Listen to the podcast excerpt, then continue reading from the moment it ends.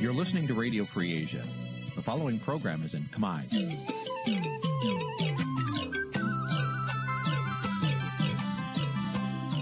Nǐ chi càm bi tiệp xáy vệt chiu a zì sê ray នេះជាកម្មវិធីផ្សាយរបស់ Vithu Azisari ជាភាសាខ្មែរ វត្តឈូអាស៊ីសេរីសូមស្វាគមន៍លោកអ្នកនាងទាំងអស់ពីរដ្ឋធានី Washington នៃសហរដ្ឋអាមេរិក។ ចាប់ផ្សាយផ្ទាល់ពីរដ្ឋ Washington នាងខ្ញុំខែសុណងសូមជម្រាបសួរលោកនាងកញ្ញាប្រិយមិត្តអ្នកស្ដាប់និងអ្នកទស្សនាការផ្សាយរបស់វិទ្យុអាស៊ីសេរីទាំងអស់ជាទីមេត្រីចា៎នាងខ្ញុំសូមជូនកម្មវិធីផ្សាយសម្រាប់យប់ថ្ងៃពុធ13រោចខែអាសត់ឆ្នាំឆ្លូវត្រីស័កពុទ្ធសករាជ2565ដែលត្រូវនឹងថ្ងៃទី3ខែវិច្ឆិកាគ្រិស្តសករាជ2021ចា៎ជាដំបូងនេះសូមអញ្ជើញលោកនាងស្ដាប់ព័ត៌មានប្រចាំថ្ងៃដែលមានមេតិការដូចតទៅ thank you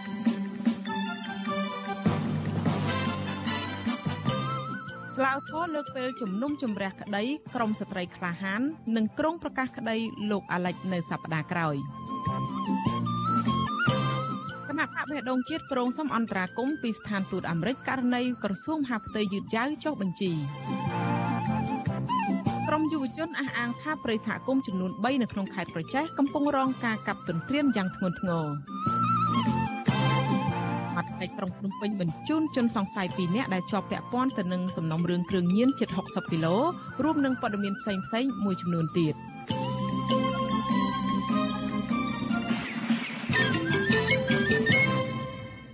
ជាបន្តទៅនេះនាងខ្ញុំខែសុណងសូមជូនព័ត៌មានទាំងនេះពឹស្ដា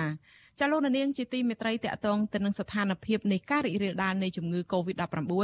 អ្នកជំងឺ Covid-19 ចំនួន7អ្នកទៀតបានស្លាប់ក្នុងនោះ5អ្នកមិនបានចាក់វ៉ាក់សាំងករណីឆ្លងថ្មីមានចំនួន85អ្នក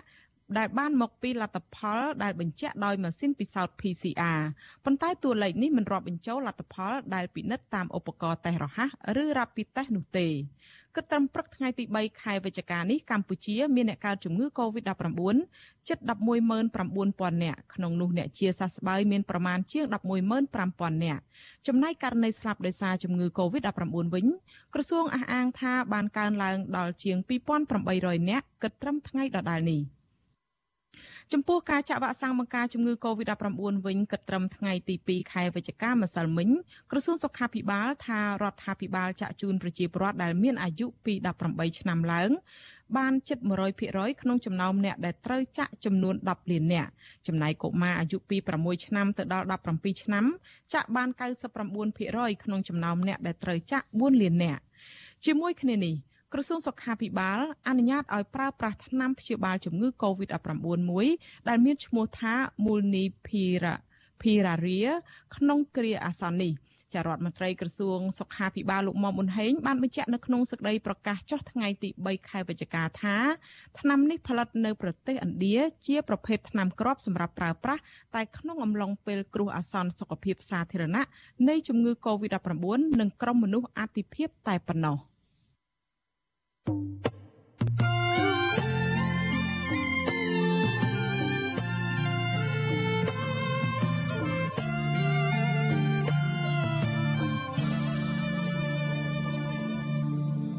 លោកនាងជាទីមេត្រីលោកនាងកំពុងស្ដាប់នឹងទស្សនាការផ្សាយរបស់វិទ្យុអាស៊ីសេរីផ្សាយចេញពីរដ្ឋធានី Washington នៃសហរដ្ឋអាមេរិក។ ចាលោកនាយករដ្ឋមន្ត្រីហ៊ុនសែនដែលកំពុងកាន់អំណាចនៅកម្ពុជាបានងាកទៅខាងចិនកាន់តែខ្លាំងឡើងខ្លាំងឡើងខណៈដែលរបបនេះកំពុងប្រឈមនឹងការដាក់សម្ពាធនិងទណ្ឌកម្មពីប្រទេសលោកខាងលិច មានជាអាចសហរដ្ឋអាមេរិកសហភាពអឺរ៉ុបនិងប្រទេសប្រជាធិបតេយ្យជាដើមរបបលោកហ៊ុនសែនតែងតែបង្ហាញមោទនភាពចំពោះទំនាក់ទំនងស្អិតល្មួតរវាងកម្ពុជានិងចិន ដែលហាក់ជាការឌឺដងដល់ប្រទេសលោកខាងលិចដែលកំពុងដាក់គំនាបដល់របបលោកហ៊ុនសែនឲ្យងាកមកដើរតាមគន្លងប្រជាធិបតេយ្យនិងគោរពសិទ្ធិមនុស្ស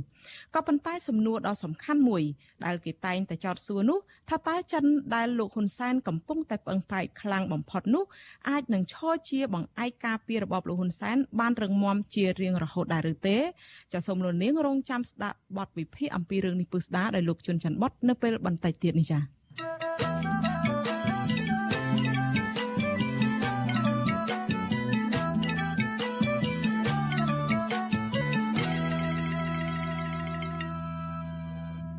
ចចាលោកនាងជាទីមេត្រីងាកមកសំណុំរឿងសកម្មជន សង្គមនិងបរិស្ថានឯនេះវិញស្លាឧទ្ធរបើកស្លាធរភ្នំពេញបានលើកពេលសំណុំលើកយកសំណុំរឿងពីរដាច់ដោយឡែកពីគ្នាដោយយកមកជំរះនៅថ្ងៃទី3ខែវិច្ឆិកានេះចាក្នុងនោះជា សំណុំរឿងរបស់ក្រមស្ត្រីក្លាហានតាក់ទងទៅនឹងការប្រមូលផ្ដុំគ្នាតវ៉ានៅមុខស្ថានទូតចិនរីឯមួយទៀតនោះគឺជាសំណុំរឿងរបស់សកម្មជនបរិស្ថានជនជាតិអេស្ប៉ាញគឺលោកអាលិចតើ តកតងទៅនឹងបញ្ហានេះស្លាវធរក្រងប្រកាសសាលក្រមសំណុំរឿងលោកអាលិចនៅសប្តាហ៍ក្រោយប៉ុន្តែសំណុំរឿងក្រមស្ត្រីក្លាហានវិញត្រូវបានលើកពេលទៅតាមសំណើរបស់មេធាវីចាប់ពីរដ្ឋធានី Washington លោកយុនសាមៀនរាយការណ៍ព័ត៌មាននេះប្រធានក្រុមប្រឹក្សាជំនុំជម្រះសាឡាវតូភ្នំពេញលោកប្លង់សំណាងសាកសួរក្រុមស្ត្រីក្លាហាន បានបន្តិចអំពីអង្គហេតុនៃការប្រមូលផ្ដុំតវ៉ានៅមុខស្ថានទូតចិនកាលពីថ្ងៃ23ដុល្លារឆ្នាំ2020 ប៉ុន្តែការសាកសួរលម្អិតទៀតនោះនឹងត្រូវធ្វើនៅពេលក្រោយពីព្រោះសវនាការនេះត្រូវបានភាគីជនជាប់ចោតនិងមេធាវីស្នើសុំពន្យាពេលមេធាវីការពីក្តីឲ្យក្រមស្ត្រីក្លាហាន លោកសំសុគង្គប្រាប់វិទ្យុអសីសេរីថាមូលហេតុនៃការស្នើសុំពន្យាពេលនេះគឺដោយសារក្រមប្រឹក្សាជំនុំជម្រះបានបើកសវនាការរឿងក្តីផ្សេងទៀតធ្វើឲ្យសល់ពេលតិចតួចសម្រាប់សំណុំរឿងកូនក្តីរបស់លោក លោកបញ្ជាក់ថាសំណុំរឿងនេះមានជនជាប់ចោតច្រើនអ្នកដូច្នេះការប្រើពេលវេលាដ៏ខ្លីដើម្បីជំនុំជម្រះនឹងធ្វើឲ្យប៉ះពាល់ដល់សិទ្ធិកូនក្តីរបស់លោកសាលាតគួរតែទុកពេលវេលាឲ្យបានវែងដើម្បីឲ្យកូនក្តី ដែលមានចំនួនច្រើនមានពេលវេលាគ្រប់គ្រាន់ក្នុងការការពារខ្លួនឯងក្នុងការបង្ហាញបតាំងហើយក៏ដូចជាពេលវេលាសម្រាប់មេធាវីក្នុងការការពារក្តីបើកណ្ដាស្ដាប់តគាត់បើកសវនាការក្នុងរយៈពេលខ្លីហើយលឿនពេកវាប៉ះពាល់ដល់សិទ្ធិទទួលបាននៅសវនាការមួយត្រឹមត្រូវនឹងយុត្តិធម៌របស់ជនជាប់ចោតអញ្ញាធិពន្ធនាគារបានបញ្ជូនក្រុមស្ត្រីក្លាហាន ដែលធ្លាប់ទៀមទាយុត្តិធម៌សង្គមមានដូចជាលោកស្រីហុងអាន លោកស្រីលឹមសានលោកស្រីយ៉យស្រីមុំលោកស្រីបៃរ៉េនលោកស្រីសានស្រីនៀតនិងសមាជិកគណៈបកប្រឆាំងម្នាក់ទៀតគឺលោកតុននិមលទៅកាន់សាឡៅតូអញ្ញាធិបបានអនុញ្ញាតឲ្យក្រុមគ្រួសារជនជាប់ឃុំទាំងនោះបានសាកសួរសុខទុក្ខនិងបង្ហាញក្តីនឹករលឹកដល់គ្នាទៅវិញទៅមក កូនស្រីរបស់លោកស្រីយ៉យស្រីមុំគឺលោកស្រីឃុំស្រីលាក់ថ្លែងថាការចាប់ប្រកាន់និងឃុំខ្លួនម្ដាយលោកស្រីអស់រយៈពេលជាង1ឆ្នាំមកនេះ គឺជារឿងអយុត្តិធម៌លោកស្រីស្នើឲ្យសាឡាវតូទម្លាក់ចោលបទចោទប្រកាន់និងដោះលែងម្ដាយរបស់លោកស្រីព្រមទាំងសកម្មជនដទៃទៀតឲ្យមានសេរីភាពវិញគាត់ជាប្រជាពលរដ្ឋជាកសិករហើយយកគាត់មកដាក់គុករយៈពេល1ឆ្នាំដោយរងនូវភាពអយុត្តិធម៌ខ្ញុំមិនទទួលយកបានទេភាពអយុត្តិធម៌លើប្រជាពលរដ្ឋតុលាការក្រុងភ្នំពេញបានកាត់ទោសក្រុមស្ត្រីក្លាហាន និងសមាជិកគណៈបកសង្គ្រោះជាតិសរុប9នាក់ ក្នុងនោះរួមទាំងមន្ត្រីគណៈបកប្រឆាំងម្នាក់ផងគឺលោកហូវ៉ាន់ឲ្យជាប់ពន្ធនាគារចន្លោះពី12ខែ ដល់20ខែ ពីបទញុះញង់បង្កឲ្យមានភាពវឹកវរធ្ងន់ធ្ងរដល់សន្តិសុខសង្គមនិងផ្ដើមគំនិតក្នុងអំពើញុះញង់ពាក់ព័ន្ធទៅនឹងការតវ៉ាដោយសន្តិវិធី នៅខាងមុខស្ថានទូតចិនកាលពីឆ្នាំ2020 តាក់ទងទៅនឹងសំណុំរឿងរបស់សកម្មជនបរិស្ថានជនជាតិអេស្ប៉ាញលោក Alexandro Gonzalez Davidson វិញក្រុមប្រឹក្សាជំនុំជម្រះស្លាវតូបានបើកសវនាការចប់សពគ្រប់នៅថ្ងៃទី3ខែវិច្ឆិកានេះមេធាវីការពារក្តីឲ្យលោកអាលិចគឺលោកសំចម្រើនប្រាប់វិទ្យុអាស៊ីសេរីថាតំណាងមហាអាយកាបានស្នើដល់ក្រុមប្រឹក្សាជំនុំជម្រះឲ្យតម្កល់សារក្រមផ្ដន់ទោសលោកអាលិចទុកជាបានការដដែល គណៈមេធាវីបានការពារថាសកម្មភាពរបស់លោកអាលិចមិនមែនជាអំពើល្មើសច្បាប់ដោយការចោទប្រកាន់នោះឡើយលោកបញ្ជាក់ថាសាឡៅតូសម្រាប់យកថ្ងៃទី12វិច្ឆិកាជាថ្ងៃប្រកាសសាលដីកាតុលាការក្រុងភ្នំពេញបានកាត់ទោសកម្បាំងមុខលោកអាលិចដាក់ពន្ធនាគារចំនួន20ខែពីបទផ្សំគំនិតក្នុងអំពើញុះញង់គណៈសកម្មជនមេដាធម្មជាតិ3នាក់ទៀតរួមមានលោកថុនរដ្ឋា កញ្ញាឡុងគុន្ធានិងកញ្ញាភួនកែវរស្មីត្រូវបានតុលាការផ្តន្ទាទោសដាក់ពន្ធនាគារពី18ខែដល់20ខែពីបទញុះញង់បង្កឲ្យមានភាពវឹកវរធ្ងន់ធ្ងរដល់សន្តិសុខសង្គមស្លាវតោភ្នំពេញបានបើកសវនាការសួរដេញដោលសកម្មជនទាំង3រួចហើយកាលពីថ្ងៃទី19ដុល្លារហើយគ្រោងប្រកាសសាលដីកានៅថ្ងៃទី5វិច្ឆិកាខាងមុខ ជុំវិញសំណុំរឿងរបស់សកម្មជនបរិស្ថានសង្គមនិងសកម្មជននយោបាយនេះនាយករងទទួលបន្ទុកផ្នែកឃ្លាំមើលសិទ្ធិមនុស្សនៃអង្គការលីកាដូលោកអំសំអាតជំរុញឲ្យសាឡាវតូទម្លាក់ចោលការចោលប្រកាន់និងដោះលែងអ្នកជាប់ឃុំទាំងនោះឲ្យមានសេរីភាពឡើងវិញលោកបញ្ជាក់ថាសហគមន៍ជាតិនិងអន្តរជាតិក្នុងនោះរួមទាំងអ្នកជំនាញសិទ្ធិមនុស្សអង្គការសហប្រជាជាតិផង បានវិតម្លៃថាករណីទាំងនេះជាការបង្ក្រាបទៅលើសិទ្ធិសេរីភាពរបស់ពលរដ្ឋ និងជាសំណុំរឿងដែលមានចរិតនយោបាយជាជាងការអនុវត្តច្បាប់ដោយត្រឹមត្រូវខ្ញុំយុនសាមៀនវិទ្យុអាស៊ីសេរីពីរដ្ឋធានី Washington ចាលោកនាងកញ្ញាប្រិយមិត្តអ្នកស្ដាប់និងអ្នកទស្សនាការផ្សាយរបស់វិទ្យុអាស៊ីសេរីទាំងអស់ជាទីមេត្រីចាក្នុងរយៈពេល10ខែចុងក្រោយនេះមានអ្នកសារព័ត៌មានសរុបចំនួន81នាក់បានទទួលរងនឹងការធ្វើទុកបុកម្នេញក្នុងរូបភាពផ្សេងផ្សេងគ្នាដូចជាការចាប់ខ្លួនការគំរាមកំហែងការប្តឹងផ្តល់ទៅតុលាការនិងការបៀតបៀនផ្លូវភេទជាដើម ចាប់តាំងពីឆ្នាំ1994មកយ៉ាងហោចណាស់មានអ្នកសារព័ត៌មានចំនួន17នាក់ត្រូវបានសម្លាប់ដោយសារតែការបំពេញការងាររបស់ពួកគេអ ுக ្រិតកម្មប្រឆាំងអ្នកសារព័ត៌មាននិងការធ្វើទុកបុកម្នេញលើអ្នកសារព័ត៌មានដែលនៅតែបន្តកើតមានជាហូរហែលនេះគឺធ្វើឲ្យមន្ត្រីអង្គការសង្គមស៊ីវិលព្រួយបារម្ភយ៉ាងខ្លាំងជាងនេះទៅទៀតជនដៃដល់ដែលប្រព្រឹត្តអំពើទាំងនេះមកលើអ្នកសារព័ត៌មានតែងតែរួចខ្លួនពីសំណាញ់ច្បាប់ដែលបង្កើតឲ្យមានជានីតិរដ្ឋភាព និងប៉ះពាល់ដល់សេរីភាពសវត្ថភាព និងភាពឯករាជ្យនៃអ្នកយកព័ត៌មាននៅក្នុងស្ថានភាពបែបនេះតើភាគីពាក់ព័ន្ធគួរធ្វើអ្វីខ្លះដើម្បីបញ្ឈប់អំពើនីតិរដ្ឋភាពនិងការធ្វើទុកបុកម្នេញទៅលើអ្នករាយការណ៍ព័ត៌មានបែបនេះចាសសូមលោកនាងរងចាំស្ដាប់បទសម្ភាសន៍មួយរបស់លោកមួងណារ៉េតជាមួយនឹងមន្ត្រីអង្គការសង្គមស៊ីវិលផ្នែកប្រព័ន្ធផ្សព្វផ្សាយនិងសិទ្ធិមនុស្សជុំវិញរឿងនេះនៅក្នុងការផ្សាយរបស់យើងនៅពេលបន្តិចទៀតនេះចា៎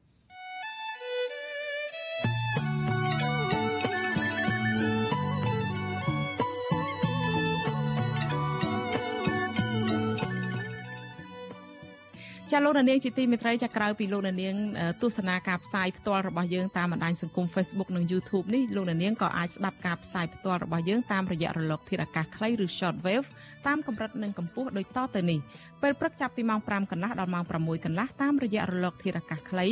9390 kHz ស្មើនឹងកម្ពស់ 32m និង11850 kHz ស្មើនឹងកម្ពស់ 25m ចាប់ពេលយប់ចាប់ពីម៉ោង7កន្លះដល់ម៉ោង8កន្លះតាមរយៈរលកធាតុអាកាសខ្លី9390 kHz ស្មើនឹងកម្ពស់ 32m និង15155 kHz ស្មើនឹងកម្ពស់ 25m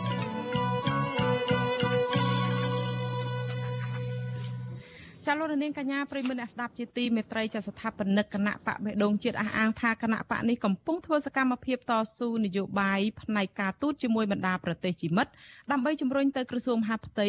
អនុញ្ញាតចុះបញ្ជីឲ្យគណៈបកនេះបានធ្វើសកម្មភាពនយោបាយបានចាអ្នកវិភាគសង្កេតឃើញថាបើគណៈបកនយោបាយដែល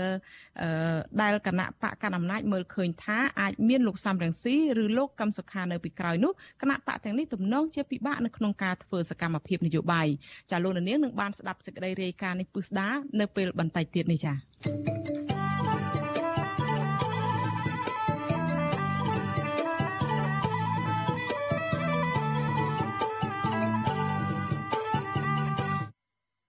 ចាលោកនាងជាទីមេត្រីចាតកតងទៅនឹងស្ថានភាពអ្នកសារព័ត៌មានវិញចាអ្នកសារព័ត៌មានដែលនាងខ្ញុំបានរាយការណ៍ជូនលោកនាងមុននេះបន្តិចនេះគឺតកតងទៅនឹងថារយៈពេល10ខែចុងក្រោយនេះគឺអឺអ្នកសារព័ត៌មានសរុប81អ្នកដែលទទួលរងនឹងការធ្វើទុកបុកម្នេញនៅក្នុងរូបភាពផ្សេងផ្សេងគ្នាដូចជាការចាប់ខ្លួនការគំរាមកំហែងនិងការប្តឹងផ្តល់ទៅតុលាការរួមទាំងការបៀតបៀនផ្លូវភេទជាដើមថាតើស្ថានភាពអ្នកសារព័ត៌មានយ៉ាងណានោះចានៅពេលនេះយើងមានអ្នករាយការណ៍ព័ត៌មានរបស់យើងគឺលោកមួងណារ៉េតដែលលោកជាអ្នកសម្ភាសជុំវិញបញ្ហានេះហើយឥឡូវនេះខ្ញុំសូមជួបជាមួយលោកមួងណារ៉េតបន្តិចសិនថាតើលោកមានចំណុចអីខ្លះដែលនឹងយកមកជម្រាបជូនលោកនាងនោះចានេះខ្ញុំសូមជម្រាបសួរលោកណារ៉េតចា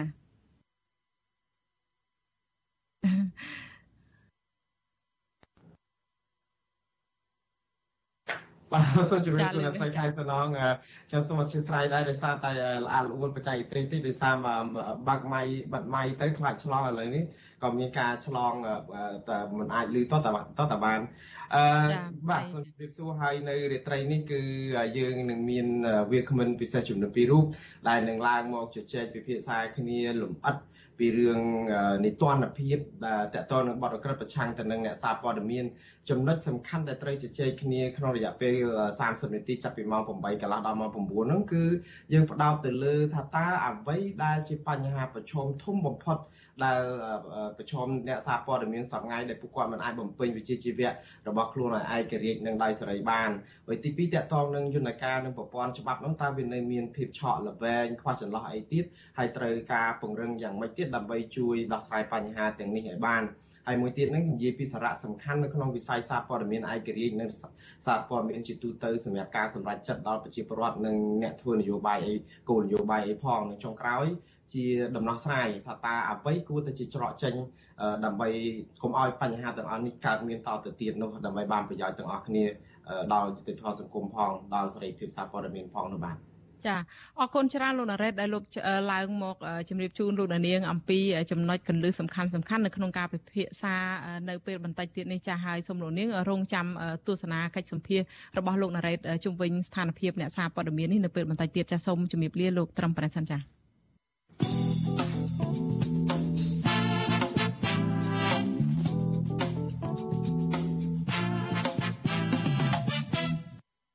ចាលោកនាងកញ្ញាប្រិយមិត្តអ្នកស្ដាប់ការផ្សាយរបស់វិទ្យុអេស៊ីសេរីទាំងអស់ជាទីមេត្រីចាតកតងទៅនឹងស្ថានភាពនៃ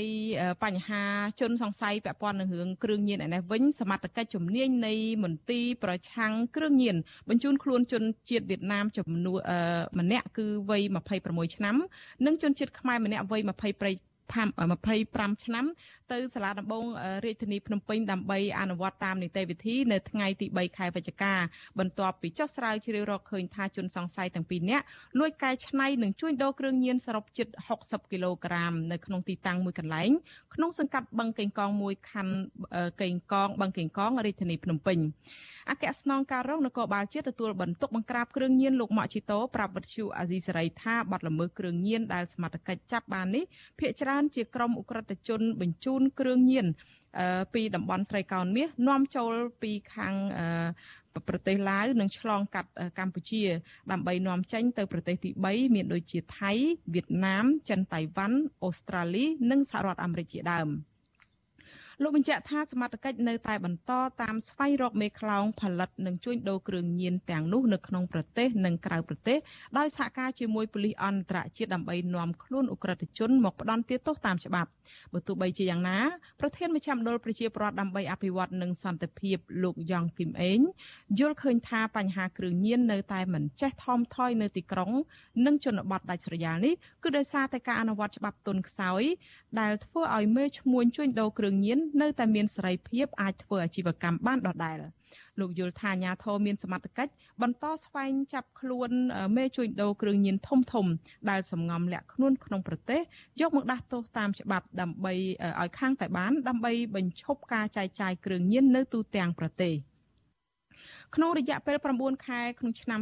2021នេះអាជ្ញាធរកម្ពុជាបានឃាត់ខ្លួនជនសង្ស័យពាក់ព័ន្ធសំណុំរឿងគ្រឿងញៀនជិត10000នាក់និងគ្រឿងញៀនសរុបជាង1000គីឡូក្រាមក្នុងចំណោមជនសង្ស័យទាំងនោះមានមនុស្សជាង6000នាក់ជាប់ពាក់ព័ន្ធនឹងការជួញដូរគ្រឿងញៀនហើយមនុស្សជាង3000នាក់រួមទាំងជនបរទេសជាង200នាក់ទៀតពាក់ព័ន្ធទៅនឹងការប្រើប្រាស់គ្រឿងញៀន។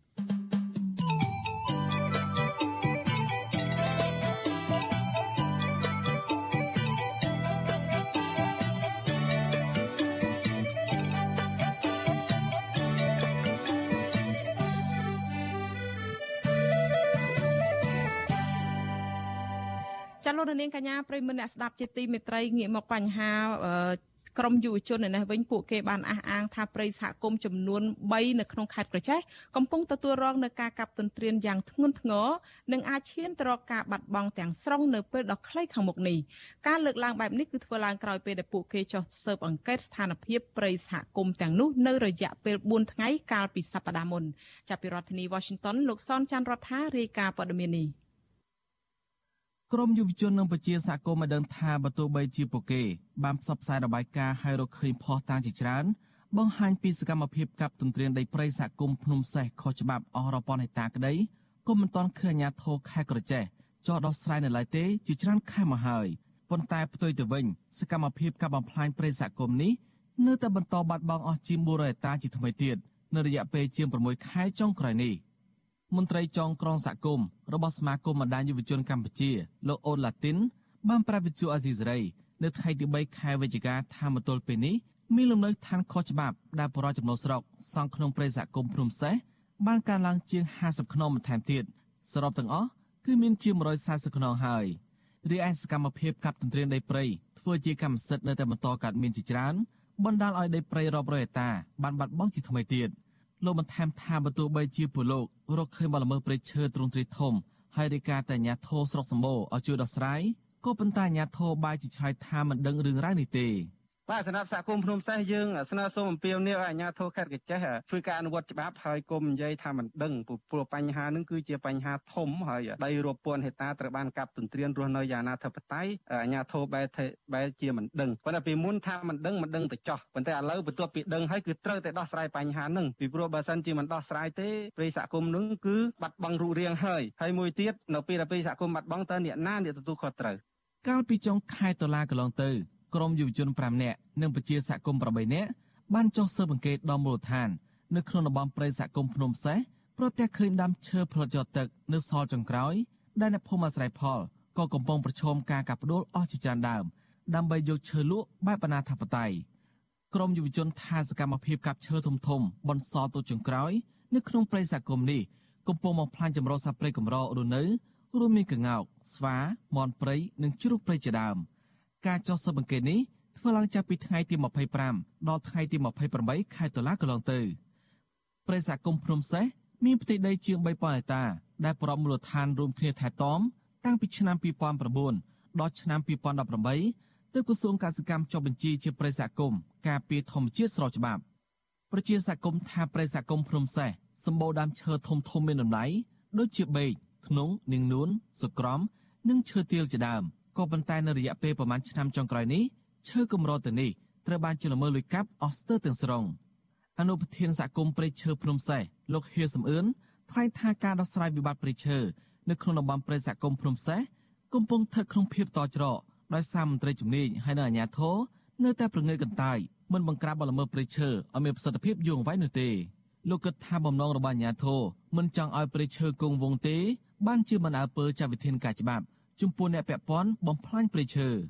វិលវល់គ្រប់សហគមន៍ទាំងអស់និយាយរួមគ្រប់បីតំបន់ព្រំសេះក្នុងបានដូចគ្នាកាប់បាទនិយាយនិយាយរួមច្បាប់នឹងវិញធ្វើវាធ្វើដូចអត់មានច្បាប់មានត្រឡប់ចឹងអត់មានខ្លាចនិយាយរឿងច្បាប់ទេនិយាយរឿងថាអ្នកណាកាប់អនុបាននិយាយចឹងប្រយចេះទៅទៅបណ្ដោបណ្ដោដូចថាមនុស្សនោះមិនចង់ឲ្យព្រៃនៅនៅបណ្ដោទៅគេត្រង់កំតិចចោលប្រយនោះ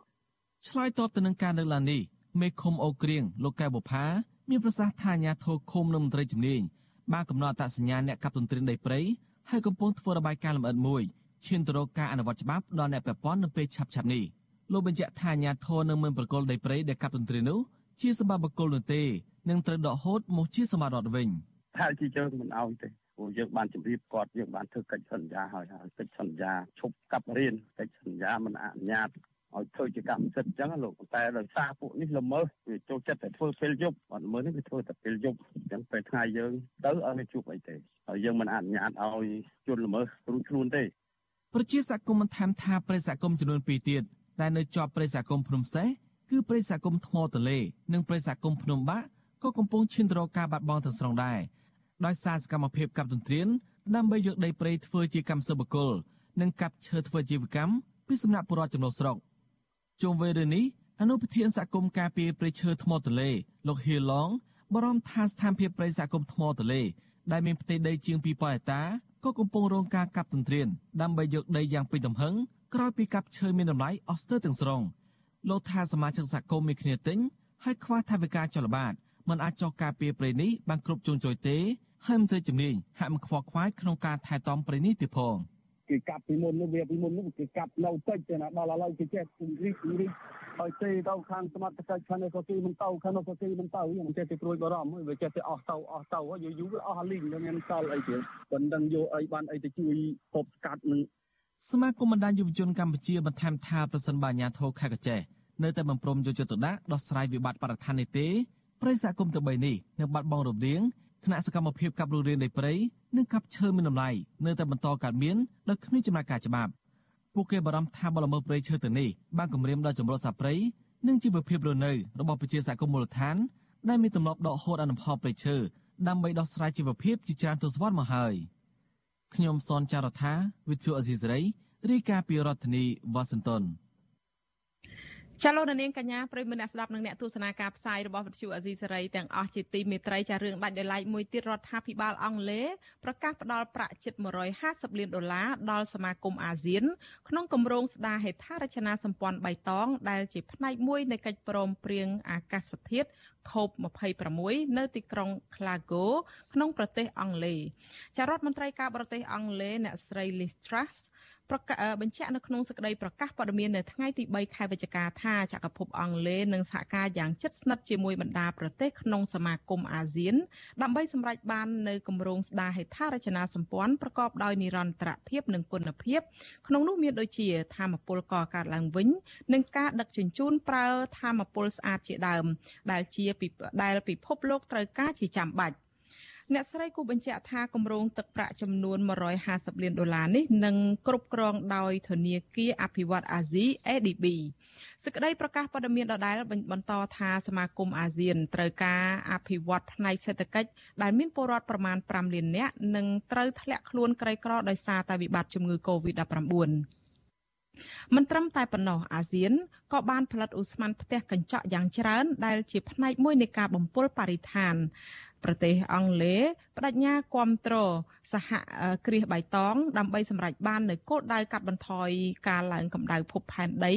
ការកសាងហេដ្ឋារចនាសម្ព័ន្ធប្រកបដោយគុណភាពក្នុងកម្រិតស្តង់ដារអន្តរជាតិនិងការអភិវឌ្ឍសេដ្ឋកិច្ចប្រកបដោយចីរភាពជាដើម។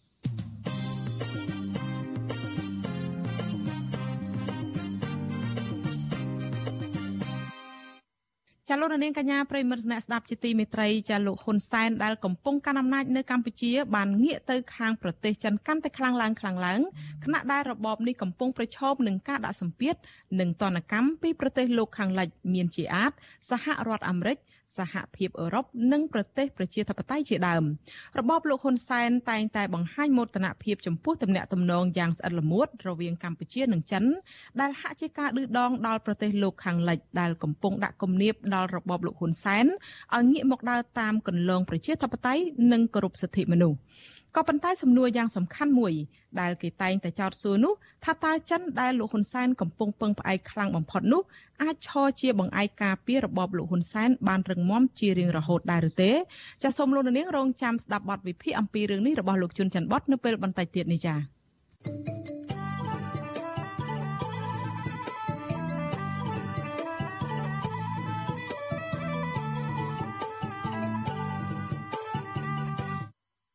ចលនានាងជាទីមេត្រីស្ថាបនិកគណៈបកបេះដូងជាតិអះអាងថាគណៈបកនេះកំពុងធ្វើសកម្មភាពតស៊ូនយោបាយផ្នែកការទូតជាមួយបណ្ដាប្រទេសជាមិត្តដើម្បីជំរុញទៅក្រសួងមហាផ្ទៃអនុញ្ញាតចុះបញ្ជីឲ្យគណៈបកនេះបានធ្វើសកម្មភាពនយោបាយបានអ្នកវិភាគសង្កេតឃើញថាបើគណៈបកនយោបាយដែលបកកណ្ដាលអំណាចមើលឃើញថាអាចមានលោកសំរងស៊ីឬលោកកឹមសុខានៅពីក្រោយនោះគណៈបកទាំងនោះទំនងជាពិបាកនៅក្នុងការធ្វើសកម្មភាពនយោបាយចាប់ពីរដ្ឋធានី Washington លោកទីនហ្សាការីយ៉ារាយការណ៍ព័ត៌មាននេះស្ថាបនិកគណៈបកបៃដងជាតិលោកសៀមផ្លុកលើកឡើងថាក្រសួងមហាផ្ទៃនៅតែមិនព្រមចុះបញ្ជីគណៈបករបស់លោកទៀតលោកក្រុងជួបតំណាងស្ថានទូតសហរដ្ឋអាមេរិកប្រចាំនៅកម្ពុជាដើម្បីជម្រាបអំពីវត្តមានគណៈបកបៃដងជាតិនិងអំពីគោលដៅនិងសកម្មភាពក្នុងឆាកនយោបាយព្រមទាំងការប្រួយបារម្ភចំពោះលំហសិទ្ធិសេរីភាពនិងស្ថានភាពនយោបាយជាក់ស្ដែងនៅកម្ពុជាលោកសៀមផ្លុកឲ្យវិទ្យុអាស៊ីសេរីដឹងទៀតថាស្ថានទូតសហរដ្ឋអាមេរិក អនុញ្ញាតឲ្យក្រុមការងាររបស់លោកជួបនៅរសៀលថ្ងៃសុក្រសប្តាហ៍នេះលោកឲ្យដឹងទៀតថាកាលពីពេលថ្មីថ្មីនេះលោកបានជួបតំណាងទូតមួយចំនួនដូចជាសហភាពអឺរ៉ុបនិងតំណាងទូតជប៉ុនជាដើមការស្វាស្វែងរកអន្តរាគមន៍ពីអង្គទូតនៃប្រទេសលោកសេរីរបស់គណៈបកបៃដងជាតិនៅពេលនេះក្រោយពេលក្រសួងមហាផ្ទៃយឺតយ៉ាវមិនព្រមចុះបញ្ជីគណៈបកបៃដងជាតិតាមការស្នើសុំរបស់លោកទោះបីជាគណៈបកនេះបានកែសម្រួលឯកសារចំនួន3លើកទៅហើយតាមសំណើរបស់ក្រសួងមហាផ្ទៃក្តី ការកែសម្រួលនិងបំពេញបែបបត់ឡើងវិញចុងក្រោយគឺធ្វើនៅថ្ងៃទី17កញ្ញាដែលគិតមកទល់ពេលនេះមានរយៈពេលជាង40ថ្ងៃមកហើយទោះបីជាច្បាប់ស្តីពីវិសោធនកម្មច្បាប់គណៈបកនយោបាយមាត្រា22ចែងថាក្នុងរយៈពេល30ថ្ងៃក្រសួងមហាផ្ទៃត្រូវឆ្លើយតបថាយល់ព្រមឬបដិសេធជុំវិញនឹងរឿងនេះវិទ្យុអាស៊ីសេរីមិនអាចតាក់ទងអ្នកនាំពាក្យក្រសួងមហាផ្ទៃលោកខៀវសុភ័ក្រដើម្បីសុំការបំភ្លឺអំពីរឿងនេះបានទេនៅថ្ងៃទី3វិច្ឆិកា ទោះជាយ៉ាងណាលោកខៀវសុភ័ក្រធ្លាប់ប្រាប់សារព័ត៌មានក្នុងស្រុកថាពេលនេះក្រុមការងារក្រសួងមហាផ្ទៃកំពុងត្រួតពិនិត្យឯកសារនិងផ្ទៀងផ្ទាត់ស្នាមមេដាយដល់គណៈបកនេះបញ្ជូនទៅក្រសួងលោកថាត្រូវការពេលវេលាពិនិត្យចាប់សពគ្រប់ក្រសួងនឹងឆ្លើយតបទាក់ទងនឹងរឿងនេះអ្នកវិភាគនយោបាយដែលកំពុងតែនិរទេសខ្លួននៅប្រទេសហ្វាំងឡុងលោកកឹមសុខសង្កេតឃើញថាការយឺតយ៉ាវនៃការឆ្លើយតបរបស់ក្រសួងមហាផ្ទៃនៅពេលនេះមិនមែនជារឿងបច្ចេកទេសនោះទេ ប៉ុន្តែលោកថាជាការរៀងខ្ទប់ចរន្តនៃការកកើតឡើងវិញនៅគណៈបកប្រឆាំង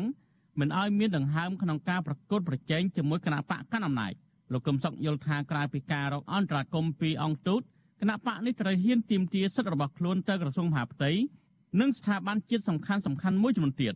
ហើយក្រៅពីនេះសកម្មជននៅក្រៅស្រុកក៏ត្រូវចូលរួមទាមទារសិទ្ធិសេរីភាពនេះដែរ។ រ៉ាន់ដែលមានក្រុមលោកសំរាំងស៊ីនៅពីក្រោយដែលក៏អាចคล้ายទៅជាកម្លាំងគម្រាមកំហែងទៅដល់អំណាចរបស់គេពីព្រោះក៏ជាលទ្ធភាពនៃការប្ររូបរួមកម្លាំងនៅថ្ងៃក្រោយដូច្នេះប្រសិនបើគេពិនិត្យឃើញគេនឹងគឺគណៈបកប្រជាជនហ្នឹងណាឃើញថាមានកម្លាំងចរន្តទាំងពីរនឹងកើតឡើងក្នុងកាលៈទេសៈនេះគេត្រូវតែខ្ទប់ហើយជុំវិញនឹងរឿងនេះអ្នកនាំពាក្យគណៈបកប្រជាជនកម្ពុជាលោកសុកអេសានបានលើកឡើងថាបញ្ហាដែលយឺតយ៉ាវនេះ គឺបណ្ដាលមកពីគណៈបកបៃដងជាតិមិនទាន់បំពេញបែបបទស្របតាមគោលការណ៍ច្បាប់ទើបក្រសួងមហាផ្ទៃមិនទាន់ឆ្លើយតបបើយើងបំពេញបែបបទមិនទាន់គ្រប់លក្ខណៈសម្បត្តិទេក្រសួងមហាផ្ទៃគេមិនអាចនឹងអនុម័តជូនទេបាទ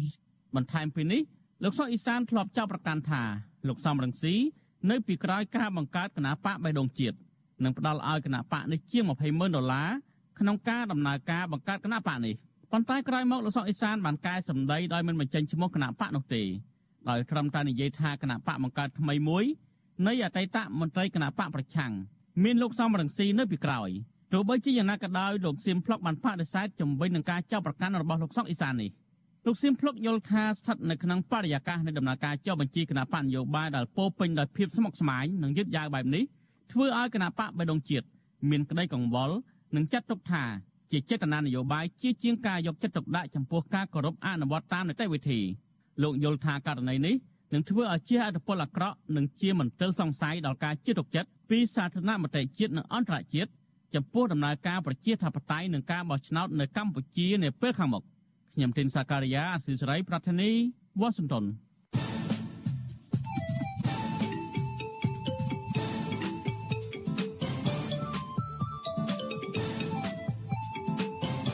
វិភាគ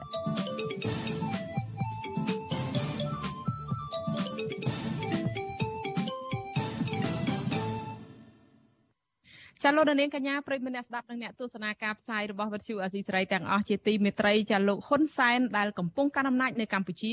បានងាកទៅខាងចិនកាន់តែខ្លាំងឡើងខ្លាំងឡើងខណៈដែលរបបនេះកំពុងប្រឈមនឹងការដាក់សម្ពាធនិងទណ្ឌកម្មពីប្រទេសលោកខាងលិច មានជាអាចសហរដ្ឋអាមេរិក សហភាពអឺរ៉ុបនិងប្រទេសប្រជាធិបតេយ្យជាដើមរបបលោកហ៊ុនសែនតែងតែបង្ហាញមោទនភាពចំពោះទំនាក់ទំនងស្អិតល្មួតរវាងកម្ពុជានិងចិនដែលហាក់ជាការឌឺដងដល់ប្រទេសលោកខាងលិចដែលកំពុងដាក់គំនាបដល់របបលោកហ៊ុនសែនឲ្យងាកដើរតាមគន្លងប្រជាធិបតេយ្យនិងការគោរពសិទ្ធិមនុស្សប៉ុន្តែសំណួរដ៏សំខាន់មួយដែលគេតែងតែចោទសួរនោះថាតើចិនដែលលោកហ៊ុនសែនកំពុងពឹងផ្អែកខ្លាំងបំផុតនោះអាចឈរជាបង្អែកការពាររបបលោកហ៊ុនសែនបានរឹងមាំទៀតដែររហូតដែរទេនោះចាសសូមអញ្ជើញលោកនាងស្ដាប់បទវិភាគមួយរបស់លោកជុនច័ន្ទបតអំពីរឿងនេះយ៉ាងពុស្ដាដូចតទៅចា៎សម្ពាធថ្មីថ្មីដែលប្រទេសប្រជាធិបតេយ្យធំធំរួមមានសហរដ្ឋអាមេរិកនិងសហភាពអឺរ៉ុបបានដាក់មកលើប្រទេសកម្ពុជា គឺកើតឡើងក្រោយពីរបបលោកហ៊ុនសែនបានបំផ្លាញចោលនៅក្តីស្រមៃរបស់ពលរដ្ឋខ្មែរដែលចង់ឃើញកម្ពុជាដើរលើគន្លងមួយឆ្ពោះទៅកាន់លទ្ធិប្រជាធិបតេយ្យដ៏ពិតប្រាកដលោកហ៊ុនសែនបានរំលាយចោលគណៈបកសង្គ្រោះជាតិដែលជាបកប្រឆាំងដ៏មានឥទ្ធិពលបំផុតអាចតទល់នឹងគណៈបកប្រជាជនកម្ពុជារបស់លោកហ៊ុនសែនលោកហ៊ុនសែនបានធ្វើទុកបុកម្នេញអ្នកនយោបាយបកប្រឆាំងគៀបសង្កត់លើអង្គការសង្គមស៊ីវិលនិងអន្តរជាតិ ចាប់ខ្លួនអ្នកកសែតមេដឹកនាំសហជីពសកម្មជនសង្គមនៅបរិស្ថានដាក់គុកឥតស្រាកស្រានទោះជាយ៉ាងណា ទង្វើរបស់លោកហ៊ុនសែនមិនបានធ្វើឲ្យប្រទេសប្រជាធិបតេយ្យធំធំឈរអោបដៃមើលនោះឡើយសហភាពអឺរ៉ុបបានឆ្លើយតបជាបឋមដោយដកប្រព័ន្ធអនុគ្រោះពន្ធ EBA ចំនួន20%ពីកម្ពុជាសហរដ្ឋអាមេរិកក៏នៅមិនទាន់ពិចារណាផ្ដល់ប្រព័ន្ធអនុគ្រោះពន្ធ GSP ជាថ្មីទៀតដល់កម្ពុជានៅឡើយក្នុងពេលជាមួយគ្នានេះ សហរដ្ឋអាមេរិកក៏កំពុងតែចាត់វិធានការជាហោហែដើម្បីដាក់សម្ពាធលើរបបលោកហ៊ុនសែនដោយបង្កើតច្បាប់ដាក់ទណ្ឌកម្មលើរបបនេះចំណាត់ការរបស់អាមេរិកនៅពេលនេះគឺអាមេរិកព្យាយាមវាយឲ្យចំប្រព័ន្ធគ្រប់គ្រងរបស់លោកហ៊ុនសែនតែម្ដងដោយដាក់ទណ្ឌកម្មទៅលើលោកហ៊ុនសែននិងក្រុមមន្ត្រីក្រាក់ក្រាក់កាន់អំណាចកម្ពូលកម្ពូលនៅក្នុងជួររដ្ឋាភិបាលទាហានប៉ូលីស PM ព្រមទាំងកូនកូនរបស់លោកហ៊ុនសែនដែលមានកេរ្តិ៍ឈ្មោះមិនល្អក្នុងការប្រព្រឹត្តអំពើពុករលួយ និងរំលោភសិទ្ធិពលរដ្ឋខ្លួនឯងជាដើមក្រុមលោកហ៊ុនសែននិងដៃជើងរបស់លោកអាចប្រឈមនឹងការបង្កកទ្រព្យសម្បត្តិដែលមាននៅសហរដ្ឋអាមេរិកនិងនៅប្រទេសប្រជាធិបតេយ្យដទៃទៀតនៅលើពិភពលោកនិងមិនមានសិទ្ធិចូលមកជន់ទឹកដីប្រទេសមហាអំណាចមួយនេះឡើយសហរដ្ឋអាមេរិកនិងសហភាពអឺរ៉ុបមានបំណងបង្ខំឲ្យរបបលោកហ៊ុនសែនស្ដារឡើងវិញនូវលទ្ធិប្រជាធិបតេយ្យសេរីពហុបកបញ្ឈប់សកម្មភាពរំលោភសិទ្ធិមនុស្សនិងត្រូវឈរលើគោលការណ៍អព្យាក្រឹតចំពោះគោលនយោបាយការបរទេសរបស់ខ្លួន ដោយមានចែងក្នុងរដ្ឋធម្មនុញ្ញកម្ពុជា និងស្មារតីនៃកិច្ចព្រមព្រៀងសន្តិភាពទីក្រុងប៉ារីសអ្នកតាមដានស្ថានភាពនយោបាយនិងសង្គមកម្ពុជាខ្លះយល់ថាទណ្ឌកម្មរបស់អាមេរិកអាចវាយទម្លុះប្រព័ន្ធគ្រប់គ្រងបែបមេកន្ទ្រាញរបស់លោកហ៊ុនសែនហើយអាចធ្វើឲ្យរបបដឹកនាំបច្ចុប្បន្នរង្គោះរង្គើប្រសិនជាបន្តដឹកនាំតាមរបៀបដូចបច្ចុប្បន្ននៅពេលដែលសម្ពាធនិងទណ្ឌកម្មរបស់ប្រទេសប្រជាធិបតេយ្យកំពុងតែមានសន្ទុះខ្លាំងទៅលើរបបលោកហ៊ុនសែនលោកហ៊ុនសែន ក៏កាន់តែស្រវាស្ទិញរត់ទៅពឹងចិនឲ្យជួយរឿងរត់ទៅពឹងចិនឲ្យជួយនេះមិនមែនជារឿងថ្មីថ្មោងសម្រាប់លោកហ៊ុនសែននោះទេក៏ប៉ុន្តែអ្វីដែលថ្មីនៅក្នុងពេលនេះនៅត្រង់ថាលោកហ៊ុនសែនបានសារភាពដោយឥតលាក់លៀមតែម្ដង ថាបើមិនឲ្យលោកទៅពឹងចិនតើឲ្យលោកទៅពឹងអ្នកណាទៅវិញលោកហ៊ុនសែនស្នើចិនបង្កើនការនាំទំនិញកម្ពុជាចូលប្រទេសចិនបង្កើនអ្នកវិនិយោគចិននៅកម្ពុជាលើកទឹកចិត្តអ្នកទេសចរចិនឲ្យចូលស្រុកខ្មែរឲ្យបានច្រើន ស្នើសុំជំនួយចិនពីសឹងគ្រប់ជំនួបជាមួយចិននិងអន្តះអន្តែងបង្កើតកិច្ចព្រមព្រៀងពាណិជ្ជកម្មសេរីហៅកាត់ថា FTA ជាមួយចិនដែលជាកិច្ចព្រមព្រៀងពាណិជ្ជកម្មសេរីដំបូងបង្អស់របស់កម្ពុជាជាមួយបរទេសនិយាយពីចិនឯនោះវិញចិនក៏បានខិតខំស្អំចិត្តលោកហ៊ុនសែនបានយ៉ាងល្អភាគតិចណាស់ដែលចិនបានច្រានចោលសំណើរបស់លោកហ៊ុនសែនក្នុងវិស័យនយោបាយនិងការទូតគេឃើញចិនចេញមុខគាំទ្ររបបលោកហ៊ុនសែន ក្នុងវិស័យសេដ្ឋកិច្ចពាណិជ្ជកម្មចិនបានចេញមុខសន្យាជួយរបបលោកហ៊ុនសែនទប់ទល់នឹងទណ្ឌកម្មដែលដាក់ដោយប្រទេសលោកខាងលិចទៀតផងពិតណាស់ដោយសារតែអាងមានចិនចាំជួយពីក្រោយនេះហើយទើបគេឃើញលោកហ៊ុនសែនតែងតែទៅត្រកទៅរកចិនពេលខ្លះទៅទាំងបញ្ច្រាស់ទិសនិងតែងតែសម្ដែងឲ្យគេឯងឃើញថាចិនគឺជាបងឯករឹងមាំតែមួយគត់ដែលអាចការពាររបបលោកបានក្រៅតែពីបង្ហាញភាពលំអៀងអួតសរសើរលួងលោមយកចិត្តចិនគេសង្កេតឃើញថាលោកហ៊ុនសែន ក៏តែងតែបានផ្កើនឹងឌឺដងប្រទេសលោកខាងលិចវិញដែរដោយធ្វើទុកបុកម្នេញគៀបសង្កត់លើក្រុមប្រឆាំងនិងសកម្មជន ដែលឈឺឆ្អាលបញ្ហាសង្គមនៅពេលមានការរិះគន់ឬសម្ពាធពីលោកខាងលិចម្ដងម្ដងលោកហ៊ុនសែនធ្លាប់បានប្រកាសថាសម្ពាធលើលោកកាន់តែខ្លាំងលោកនឹងរុញក្រុមប្រឆាំងឲ្យកាន់រលាយកាន់តែឆាប់ជាការពិតណាស់បើគ្មានបង្អែកចិនទេ របបលោកហ៊ុនសែនប្រហែលជាមិនហ៊ានផ្គឿនដល់ថ្នាក់នេះឡើយក៏ប៉ុន្តែសំណួរសំខាន់មួយនៅត្រង់ថា តើចិនអាចស្ថិតនៅក្នុងស្ថានភាពរឹងមាំដើម្បីឈរជាបង្អែកឲ្យលោកហ៊ុនសែននៅពេលនេះនឹងទៅថ្ងៃមុខបានដែរឬយ៉ាងណាប្រការដែលគេមិនអាចប្រកែកបាននោះក្នុងរយៈពេលជាង40ឆ្នាំចុងក្រោយនេះចិនគឺជាមហាអំណាចកំពុងរះឡើងយ៉ាងឆាប់រហ័សនៅក្នុងតំបន់និងអន្តរជាតិទាំងក្នុងវិស័យនយោបាយសេដ្ឋកិច្ចយោធានិងបច្ចេកទេសការរីកចម្រើនរបស់ចិន កំពុងធ្វើឲ្យឥទ្ធិពលរបស់មហាអំណាចអាស៊ីមួយនេះរីកសាយភាយ និងគ្របដណ្ដប់ទៅលើប្រទេសមួយចំនួននៅលើពិភពលោកជាពិសេសទៅលើប្រទេសក្រីក្រកំពុងអភិវឌ្ឍនិងប្រទេសខ្លះដែលមានមេដឹកនាំជាមនុស្សផ្ដាច់ការប្រព្រឹត្តអំពើពុករលួយទោះបីជាយ៉ាងណាក៏ដោយក្នុងពេលដែលចិនកំពុងរះឡើងយ៉ាងត្រចះត្រចង់គួរជាទីបង្អែករបស់មេដឹកនាំផ្ដាច់ការមួយចំនួននោះចិនក៏ត្រូវបានគេមើលឃើញថាកំពុងប្រឈមនឹងបញ្ហាស្មុគស្មាញជាច្រើនដែលអាចរារាំងមហាអំណាចថ្មីមួយនេះមិនឲ្យសម្រេចមហិច្ឆតាលឿនរហ័សរបស់ខ្លួន រហូតដល់មានអ្នកជំនាញខ្លះអះអាងថាចិនកំពុងអស់ពេលសម្រាប់លិចត្រដែតឡើងបន្តទៅទៀតហើយនៅក្នុងអត្ថបទដែលមានចំណងជើងថា The End of China's Rise ឬអវសាននៃការរះឡើងរបស់ចិនចេញផ្សាយដោយទស្សនាវដ្តីមួយឈ្មោះ Foreign Affair អ្នកជំនាញផ្នែកវិទ្យាសាស្ត្រនយោបាយនិងកិច្ចការអន្តរជាតិពីររូបគឺលោក Michael Beckley និង Hal Brand បានវាយតម្លៃថាក្រុងប៉េកាំង កំពុងអស់ពេលឈោងចាប់សុបិនគ្រប់គ្រងពិភពលោកហើយ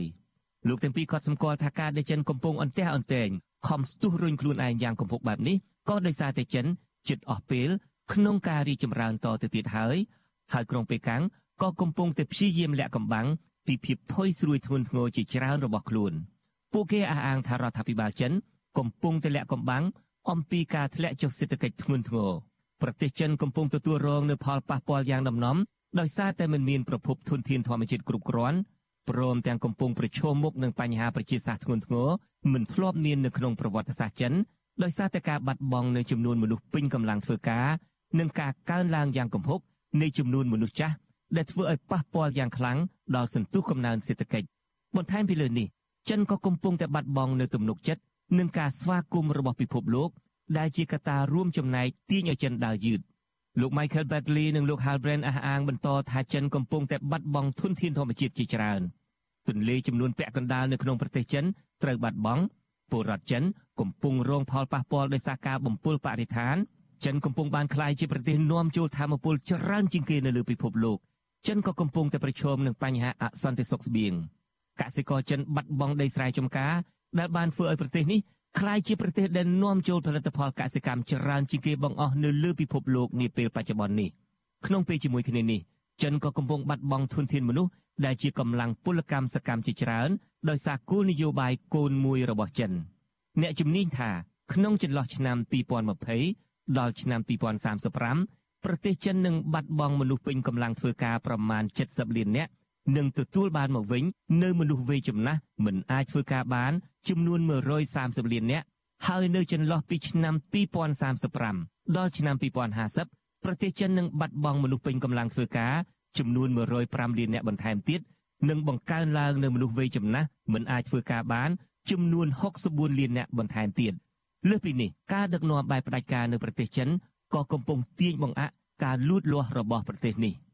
ក្រុមហ៊ុនសហគ្រាសឯកជន មិនសូវត្រូវបានរដ្ឋអំណាចចិនយកចិត្តទុកដាក់លើកទឹកចិត្តនោះឡើយពួកគេជួបប្រទះនឹងការខ្វះខាតមូលធនខណៈដែលសហគ្រាសគ្រប់គ្រងដោយរដ្ឋទទួលបានប្រមាណ80%នៃកម្ចីនិងការឧបត្ថម្ភរបស់រដ្ឋបន្ថែមពីលើនេះភាពដឹកនាំបែបផ្ដាច់ការរបស់អ្នកនយោបាយចិនក៏កំពុងតែធ្វើឲ្យចិនបាត់បង់នូវការគ្រប់គ្រងរបស់ពិភពលោកជាក់ស្ដែងប្រទេសដែលមានសេដ្ឋកិច្ចលូតលាស់ខ្លាំងភាគច្រើនមិនទទួលយកឡើយនៅប្រព័ន្ធបច្ចេកវិទ្យារបស់ចិន។ អ្នកជំនាញសន្និដ្ឋានថាភាពលូតលាស់របស់ចិនក្នុងរយៈពេល40ឆ្នាំកំពុងដល់ទីបញ្ចប់ហើយពួកគេថាចិនកំពុងតែប្រឈមនឹងបញ្ហាធំធំចំនួន2នោះគឺការធ្លាក់ចុះនៃកំណើនសេដ្ឋកិច្ចនិងការឡោមព័ទ្ធផ្នែកយុទ្ធសាស្ត្រទាំងពីសំណាក់ក្រមប្រទេសនៅក្នុងតំបន់ដែលកំពុងមានចំនួនជាមួយចិននៅសមុទ្រចិនខាងត្បូងទាំងពីសំណាក់ប្រទេសផ្សេងផ្សេងទៀតដែលជាសម្ព័ន្ធមិត្តរបស់អាមេរិកនៅក្នុងតំបន់និយាយបែបផ្សេងចិនកំពុងបង្កើតឲ្យមានសត្រូវនៅជុំវិញខ្លួន ដូច្នេះទើបគេមើលឃើញថាមានការបង្កើតឡើងនៅក្រមប្រទេសសម្ព័ន្ធមិត្តនៅក្នុងតំបន់ Indo-Pacific ដើម្បីទប់ទល់នឹងឥទ្ធិពលរបស់ចិនអ្នកជំនាញមើលឃើញថាប្រហែលដោយសារប្រទេសខ្លះបានមើលឃើញពីភាពកំសោយនិងភាពផុយស្រួយរបស់ចិនទាំងអស់នេះហើយទើបពួកគេហ៊ានងើបឡើងតតាំងប្រឆាំងមហិច្ឆតារបស់ចិនក្នុងនោះក៏មានកោះតៃវ៉ាន់ដែលចិនធ្លាប់ប្រកាសជាច្រើនលើកច្រើនសារថានឹងប្រើកម្លាំងទ័ពដើម្បីវាយកកោះនេះប្រសិនបើកោះតៃវ៉ាន់ហ៊ានប្រកាសឯករាជ្យផ្ដាច់ចេញពីចិន។ ប្រសិនបើចិនកំពុងមានបញ្ហាស្មុគស្មាញជាច្រើនដោយការអះអាងរបស់អ្នកជំនាញមែននោះចិនប្រហែលជាពិបាកធ្វើជាបង្អែករឹងមាំរបស់មេដឹកនាំផ្ដាច់ការដែលមិនគោរពសិទ្ធិមនុស្សនៅលើពិភពលោកបានយូរអង្វែងនោះឡើយប្រសិនបើមេដឹកនាំទាំងអស់នោះត្រូវបានប្រទេសប្រជាធិបតេយ្យធំធំដាក់សម្ពាធឬដាក់ទណ្ឌកម្មធ្ងន់ធ្ងរដល់របបរបស់ពួកគេក្នុងនោះក៏អាចមានរបបដឹកនាំរបស់លោកហ៊ុនសែនដែរមែនទែនទៅសហរដ្ឋអាមេរិកនិងសហភាពអឺរ៉ុបមិនទាន់បានដាក់សម្ពាធធ្ងន់ធ្ងរ លើរបបលោកហ៊ុនសែននៅឡើយទេសហភាពអឺរ៉ុបទើបតែបានដកប្រព័ន្ធអនុគ្រោះពន្ធ EBA 20%ប៉ុណ្ណោះពីកម្ពុជា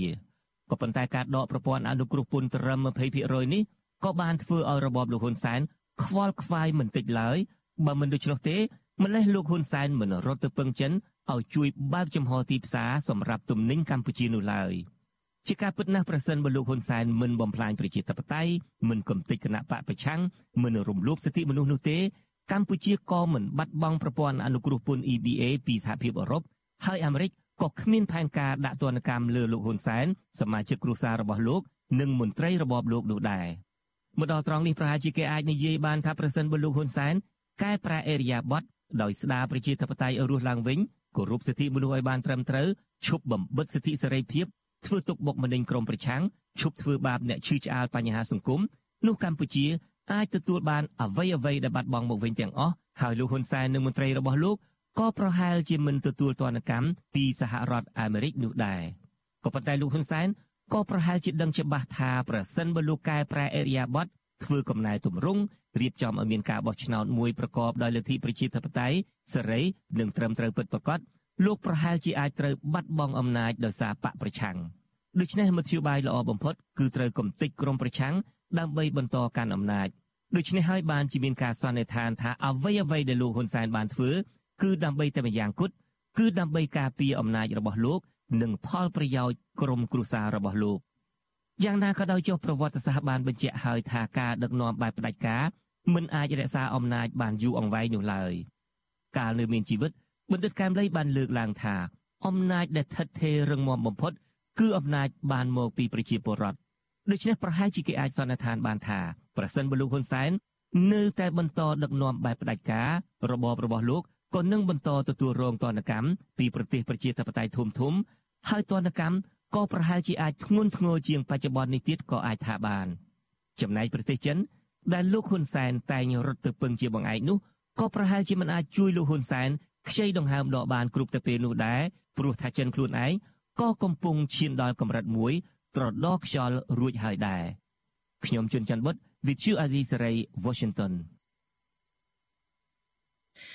ចាលោកនាងកញ្ញាប្រិមមអ្នកស្ដាប់ការផ្សាយរបស់វិទ្យុអាស៊ីសេរីទាំងអស់ជាទីមេត្រីចាងាកមករឿងកូនសកម្មជនគណៈបកប្រឆាំងឯនេះវិញកូនប្រុសរបស់សកម្មជនគណៈបកសង្គ្រោះជាតិម្នាក់ដែលមានជំងឺខ្សោយបញ្ញាស្មារតីឬ Autism ពីកំណើតគឺយុវជនកសវណ្ណឆៃដែលរងផលប៉ះពាល់សតិបញ្ញាកាន់តែធ្ងន់ធ្ងរក្នុងស្ថានភាពជីវិតរស់នៅក្នុងពន្ធនាគារជាច្រើនខែមកនេះម្ដាយរបស់យុវជនកសវណ្ណឆៃស្ដីបន្ទោសថារបបក្រុងភ្នំពេញជាអ្នកធ្វើបាបក្រុមគ្រួសារលោកស្រីនិងចាប់ឃុំខ្លួនខ្លួនធ្វើឲ្យកូនប្រុសលោកស្រីធ្លាក់ដល់សភាពជំងឺបាត់បង់សតិធ្ងន់ធ្ងរចាប់ពីរដ្ឋធានី Washington ចាលោកសេកបណ្ឌិតសូមជូនសេចក្តីរាយការណ៍នេះពុស្ដាយុវជនកសវណ្ណឆៃបានប៉ះពាល់ដល់សតិអារម្មណ៍ធ្ងន់ធ្ងរហើយនិយាយលែងយល់សាច់ការហើយក្រោយពេលជាប់ឃុំក្នុងមណ្ឌលអប់រំកែប្រែមកពីជាង4ខែមកនេះ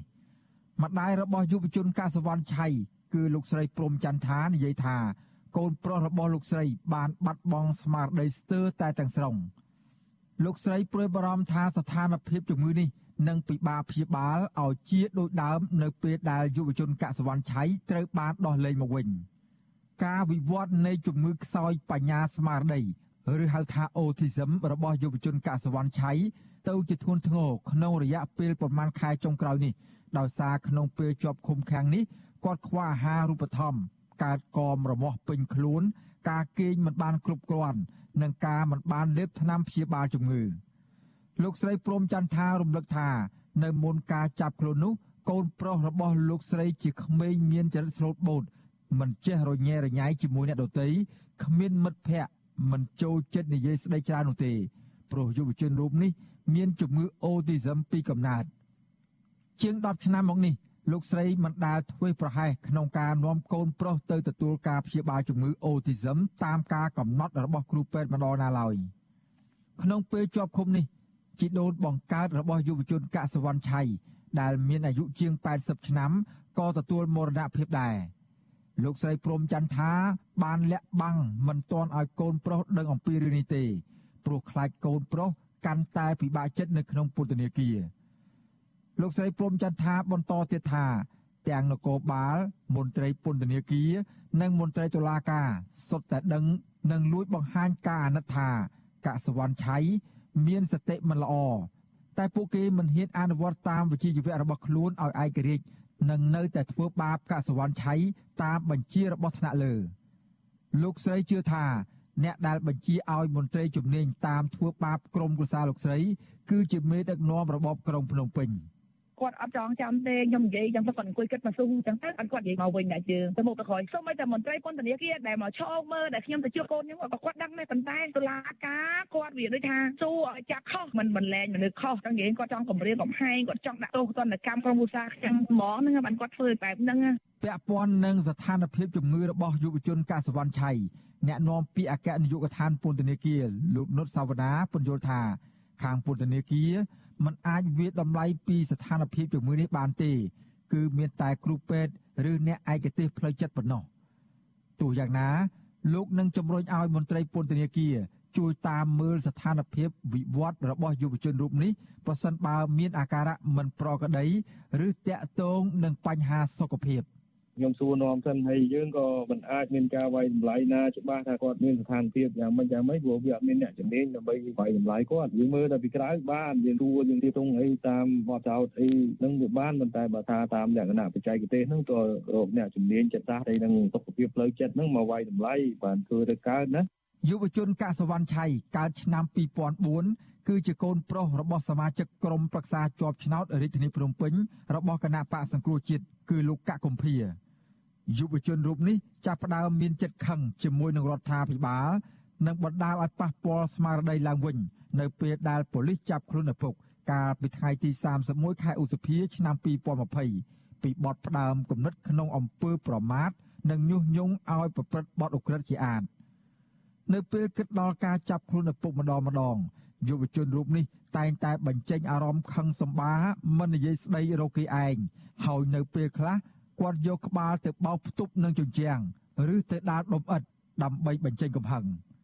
យុវជនកសវណ្ណឆៃក៏តែងតែចេញតវ៉ាជាមួយម្ដាយនិងក្រុមស្ត្រីថ្ងៃសុកដើម្បីទាមទារឲ្យតុលាការនិងរដ្ឋាភិបាលដោះលែងហើយទម្លាក់បទចោទប្រកាន់លើឪពុករបស់ខ្លួនដែរ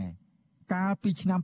2020យុវជនកសវណ្ណឆៃធ្លាប់ត្រូវបាននគរបាលប៉ុស្តិ៍ចាក់អង្រែលើខណ្ឌមានជ័យចាប់ឃុំខ្លួនក្នុងប៉ុស្តិ៍ប៉ូលីសចំនួន2យប់2ថ្ងៃម្ដងរួចមកហើយគឺនៅខែតុលាឆ្នាំ2020ប៉ូលីសបានចោទថាយុវជនកសវណ្ណឆៃចូលក្នុងទីហាមឃាត់គឺបរិវេណទីស្នាក់ការគណៈបកសង្គ្រោះជាតិយុវជនកសវណ្ណឆៃបានប្រាប់ម្ដាយថា ក្នុងពេលឃុំខ្លួននោះប៉ូលីសបានដាក់ខ្នោះដៃ ហើយវាយដំលើខ្លួននិងដាល់ផ្ទៃមុខគាត់ជាច្រើនដៃរួចទើបបង្ខំឲ្យគាត់ធ្វើកិច្ចសន្យាទទួលកំហុសដែលបានចូលទីហាមឃាត់ជាថ្នូរនឹងការដោះលែងមកវិញក្រោយមកទៀតនៅចុងខែមេសាជនមិនស្គាល់មុខ2នាក់បានជិះម៉ូតូមួយគ្រឿងលោបគប់យុវជនកសវណ្ណឆៃនិងដុំអិតតាន់ត្រូវចំក្បាលខាងឆ្វេងបណ្ដាលឲ្យរបួសដេចំនួន20ធ្នេ ហើយសមត្ថកិច្ចមិនទាន់បានចាប់ជនបង្ក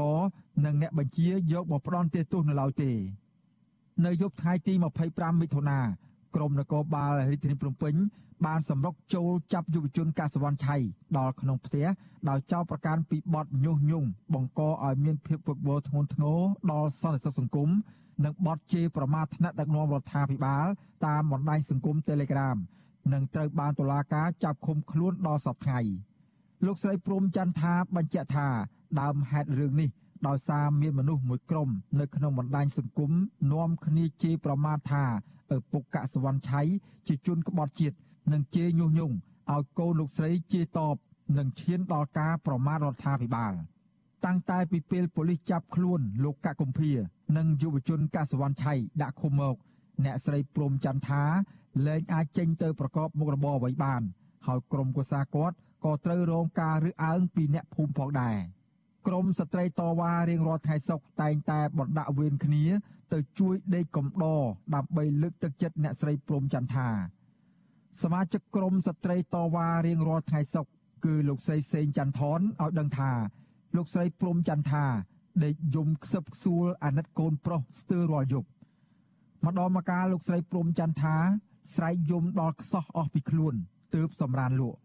ចឹងយើងជាទៅដើម្បីឲ្យមានជាគ្នាយប់ឡើងកុំឲ្យគាត់ស្ងាត់ស្ងេះស្ងោចអណោចធំងាកទៅវែងបាត់ងាកទៅស្ដាំបាត់រកមុខអង្គឃើញរកមើលមុខម្ដាយក៏មិនបានមុខប្តីក៏បាត់កូនក៏បាត់ចឹងពួកយើងទៅនឹងដើម្បីឲ្យគាត់បានជាគ្នាចឹងណាកាលពីថ្ងៃទី1វិច្ឆិកាចៅក្រមនៃសាលាដំបងរាជធានីភ្នំពេញលោកអួងវុធា បានសម្រេចផ្ដន់ទាទោសយុវជនកសវណ្ណឆៃចំនួន8ខែក្នុងបទញុះញង់បង្កឲ្យមានភាពពឹកវរធ្ងន់ធ្ងរដល់សន្តិសុខសង្គមនិងជេរប្រមាថថ្នាក់ដឹកនាំរដ្ឋាភិបាលប៉ុន្តែចៅក្រមបានកាត់តម្រឹមទោសដាក់ពន្ធនាគារឲ្យអនុវត្តត្រឹមតែ4ខែកន្លះហើយព្យួរទោសដែលនៅសល់និងបន្ថែមលក្ខខណ្ឌស្ថិតនៅក្រោមការតាមដានរបស់តុលាការរយៈពេល2ឆ្នាំតុលាការមិនបានបញ្ជាក់ថ្ងៃដោះលែងជាក់លាក់ទេតែបើតាមការកំណត់នេះ អាញាធរត្រូវដោះលែងយុវជនកសវណ្ណឆៃនៅថ្ងៃទី9ខែវិច្ឆិកាអង្គការជាតិនិងអន្តរជាតិនិងក្រុមអ្នកជំនាញសិទ្ធិមនុស្សអង្គការសហប្រជាជាតិ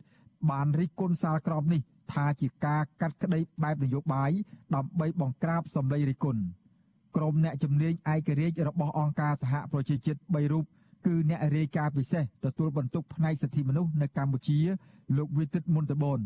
អ្នករាយការណ៍ពិសេសស្ដីពីការលើកកម្ពស់និងការការពារសិទ្ធិនៃសេរីភាពបញ្ចេញមតិ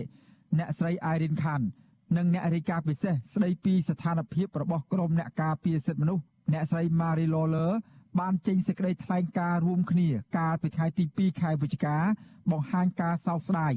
និងរិះគន់ការកាត់ទោសអនិច្ចជនកសវណ្ណឆៃនិងជាក្មេងមានជំងឺខ្សោយសតិបញ្ញាឲ្យមានទោស ពួកគេអំពាវនាវឲ្យរដ្ឋាភិបាលកម្ពុជា បង្ហាញឆន្ទៈការពារសេរីភាពបញ្ចេញមតិឡើងវិញអ្នកនាំពាក្យសមាគមការពារសិទ្ធិមនុស្សអាត6លោកសឹងសានករណាឲ្យដឹងថា តាំងពីដំបូងមក គឺក្រុមអង្គការជាតិនិងអន្តរជាតិតែងតែជំទាស់នឹងការចាប់ខ្លួនយុវជនកសវណ្ណឆៃអ្នកឃ្លាំមើលសិទ្ធិមនុស្សរូបនេះយល់ថាការចាប់ខ្លួននេះ បានជះឥទ្ធិពលអាក្រក់ដល់អនាគតរបស់យុវជនកសវណ្ណឆៃនិងជះឥទ្ធិពលមិនល្អដល់កេរ្តិ៍ឈ្មោះរដ្ឋាភិបាលថែមទៀតករណីនេះវាជាករណីធ្វើទុកបុកម្នេញទៅលើគ្រួសារនៃសកម្មជននយោបាយជាងការអនុវត្តច្បាប់ណាបើសិនជាគោលការណ៍អនុវត្តច្បាប់មិនគប្បីមានការចាត់វិធានការទៅលើកុមារកសវណ្ណឆៃដែលមានការក្រោយបញ្ញាស្មារតីបែបហ្នឹងទេគួរតែមានការដោះលែងតាំងពីដំបូងឡើយមកម្លេះ អ្នកស្រីព្រំច័ន្ទថាជាម្ដាយរបស់យុវជនកសវណ្ណឆៃក៏មិនពេញចិត្តនឹងសាលក្រមនេះដែរលោកស្រីកំពុងរងចាំឲ្យដល់ថ្ងៃដោះលែងយុវជនកសវណ្ណឆៃសិនរួចហើយលោកស្រីនឹងពិភាក្សាជាមួយនឹងមេធាវី ដើម្បីប្តឹងឧទ្ធរបន្តទៀតលោកស្រីនៅតែទទូចឲ្យតុលាការបញ្ឈប់ការធ្វើទុកបុកម្នេញនិងត្រូវផ្ដល់ភាពស្អាតស្អំជូនដល់គ្រួសាររបស់លោកស្រីឡើងវិញខ្ញុំបាទសេកបណ្ឌិត វុទ្ធុអាស៊ីសេរីពីរដ្ឋធានីវ៉ាស៊ីនតោន ចាលោកនាងកញ្ញាប្រិមនៈស្ដាប់ការផ្សាយរបស់វិទ្យុអេស៊ីសេរីទាំងអស់ជាទីមេត្រីចាតកតងទៅនឹងសក្តីរាយការណ៍អំពីវិបត្តិនៃបញ្ហា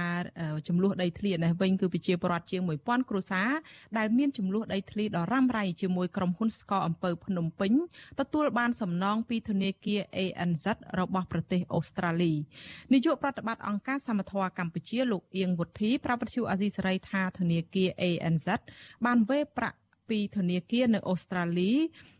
ទៅឲ្យពលរដ្ឋរួចរាល់ហើយប៉ុន្តែលោកបដិសេធមិនប្រាប់ឲ្យដឹងពីចំនួនទឹកប្រាក់នោះនៅឡើយទេព្រោះជាការសម្ងាត់ដែលជាលក្ខខណ្ឌកំណត់ដោយកិច្ចព្រមព្រៀងជាមួយធនាគារលោកអៀងវុធីបញ្ជាក់ថាប្រាក់ទាំងនោះមិនជាប់តាក់ទងទៅនឹងប្រាក់របស់ក្រុមហ៊ុនស្កអំពៅភ្នំពេញទេ តែជាប្រាក់របស់ធនាគារ ANZ ដែលបានពីប្រាក់លើកម្ចីដែលធនាគារនេះបានផ្ដល់ឲ្យក្រុមហ៊ុនស្កអំពៅភ្នំពេញយកទៅវិនិយោគ លោកថានេះជារឿងដ៏កម្រមួយដែលធនាគារសម្រេចផ្ដល់ប្រាក់ចំណេញរបស់ខ្លួនទៅឲ្យប្រជាពលរដ្ឋតទៅនឹងធនាគារ ANZ នេះគឺជាការទៀមទាដាច់ដោយឡែកដែលប្រជាពលរដ្ឋបានធ្វើដែលតម្រូវឲ្យខាងធនាគារគាត់កង្វែមកវិញនៅថវិកានោះហើយនេះជាជាជាការចូលរួមចំណែកមួយពីខាងធនាគារនៅនៅពេលដែលធនាគារបានធ្វើការសម្រេចចិត្តផ្ទេរនៅប្រាក់ចំណេញ ឬក៏ការប្រាក់ដែលខ្លួនទទួលបានអញ្ចឹងយើងគិតថានេះជាជំរើសមួយល្អដែលខាងធនាគារបានផ្ដល់នៅថាវិការមួយចំនួននេះដើម្បីជួយស្ដារទៅដល់ជីវភាពរបស់ប្រជាពលរដ្ឋហើយយើងសង្ឃឹមថាអឺស្ថានភាពនៅនៅតំបន់នេះនឹងនឹងត្រូវបញ្ចប់នៅពេលដែលយន្តការរបស់ក្រសួងនឹងចាប់ផ្ដើមវិញបន្ទាប់ពីកូវីដ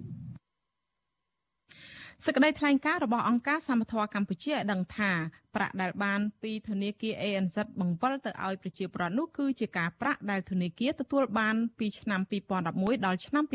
2014ធនាគារ ANZ អូស្ត្រាលីរងការចោទប្រកាន់ថាបានជាប់ពាក់ព័ន្ធដោយប្រយោលដោយបានផ្ដល់ប្រាក់កម្ចីរាប់លានដុល្លារទៅឲ្យក្រុមហ៊ុនស្កអំពៅភ្នំពេញយកទៅវិនិយោគដោយមិនស្មោះត្រង់បង្កផលប៉ះពាល់ដល់ដីធ្លីរបស់ប្រជាពលរដ្ឋនៅខេត្តកំពង់ស្ពឺនិងការបណ្តេញចេញពីដីធ្លីដោយបង្ខំជាដើមបើតាមអង្គការសមត្ថរកម្ពុជាពលរដ្ឋជាង1000គ្រួសារនៅខេត្តកំពង់ស្ពឺនោះជាអ្នករងគ្រោះពីការបណ្តេញចេញដើម្បីយកដីទៅឲ្យក្រុមហ៊ុនដាំអំពៅកាលពីឆ្នាំ2010ដល់ឆ្នាំ2011រហូតមកដល់ពេលនេះចំនួនដីធ្លីដ៏រ៉ាំរ៉ៃនេះនៅមិនទាន់បញ្ចប់នៅឡើយដោយពលរដ្ឋនៅតែបន្តទាមទារសំណងពីក្រុមហ៊ុនស្កអំពៅនិងជាថ្នូរទៅនឹងការបណ្តេញចេញពាក់ព័ន្ធទៅនឹងក្រសួងពាក់ព័ន្ធរបស់រដ្ឋាភិបាល បានសម្រេចផ្អាកការដោះស្រាយបញ្ហានេះមួយអន្លើដោយសារតែវិបត្តិនៃជំងឺ Covid-19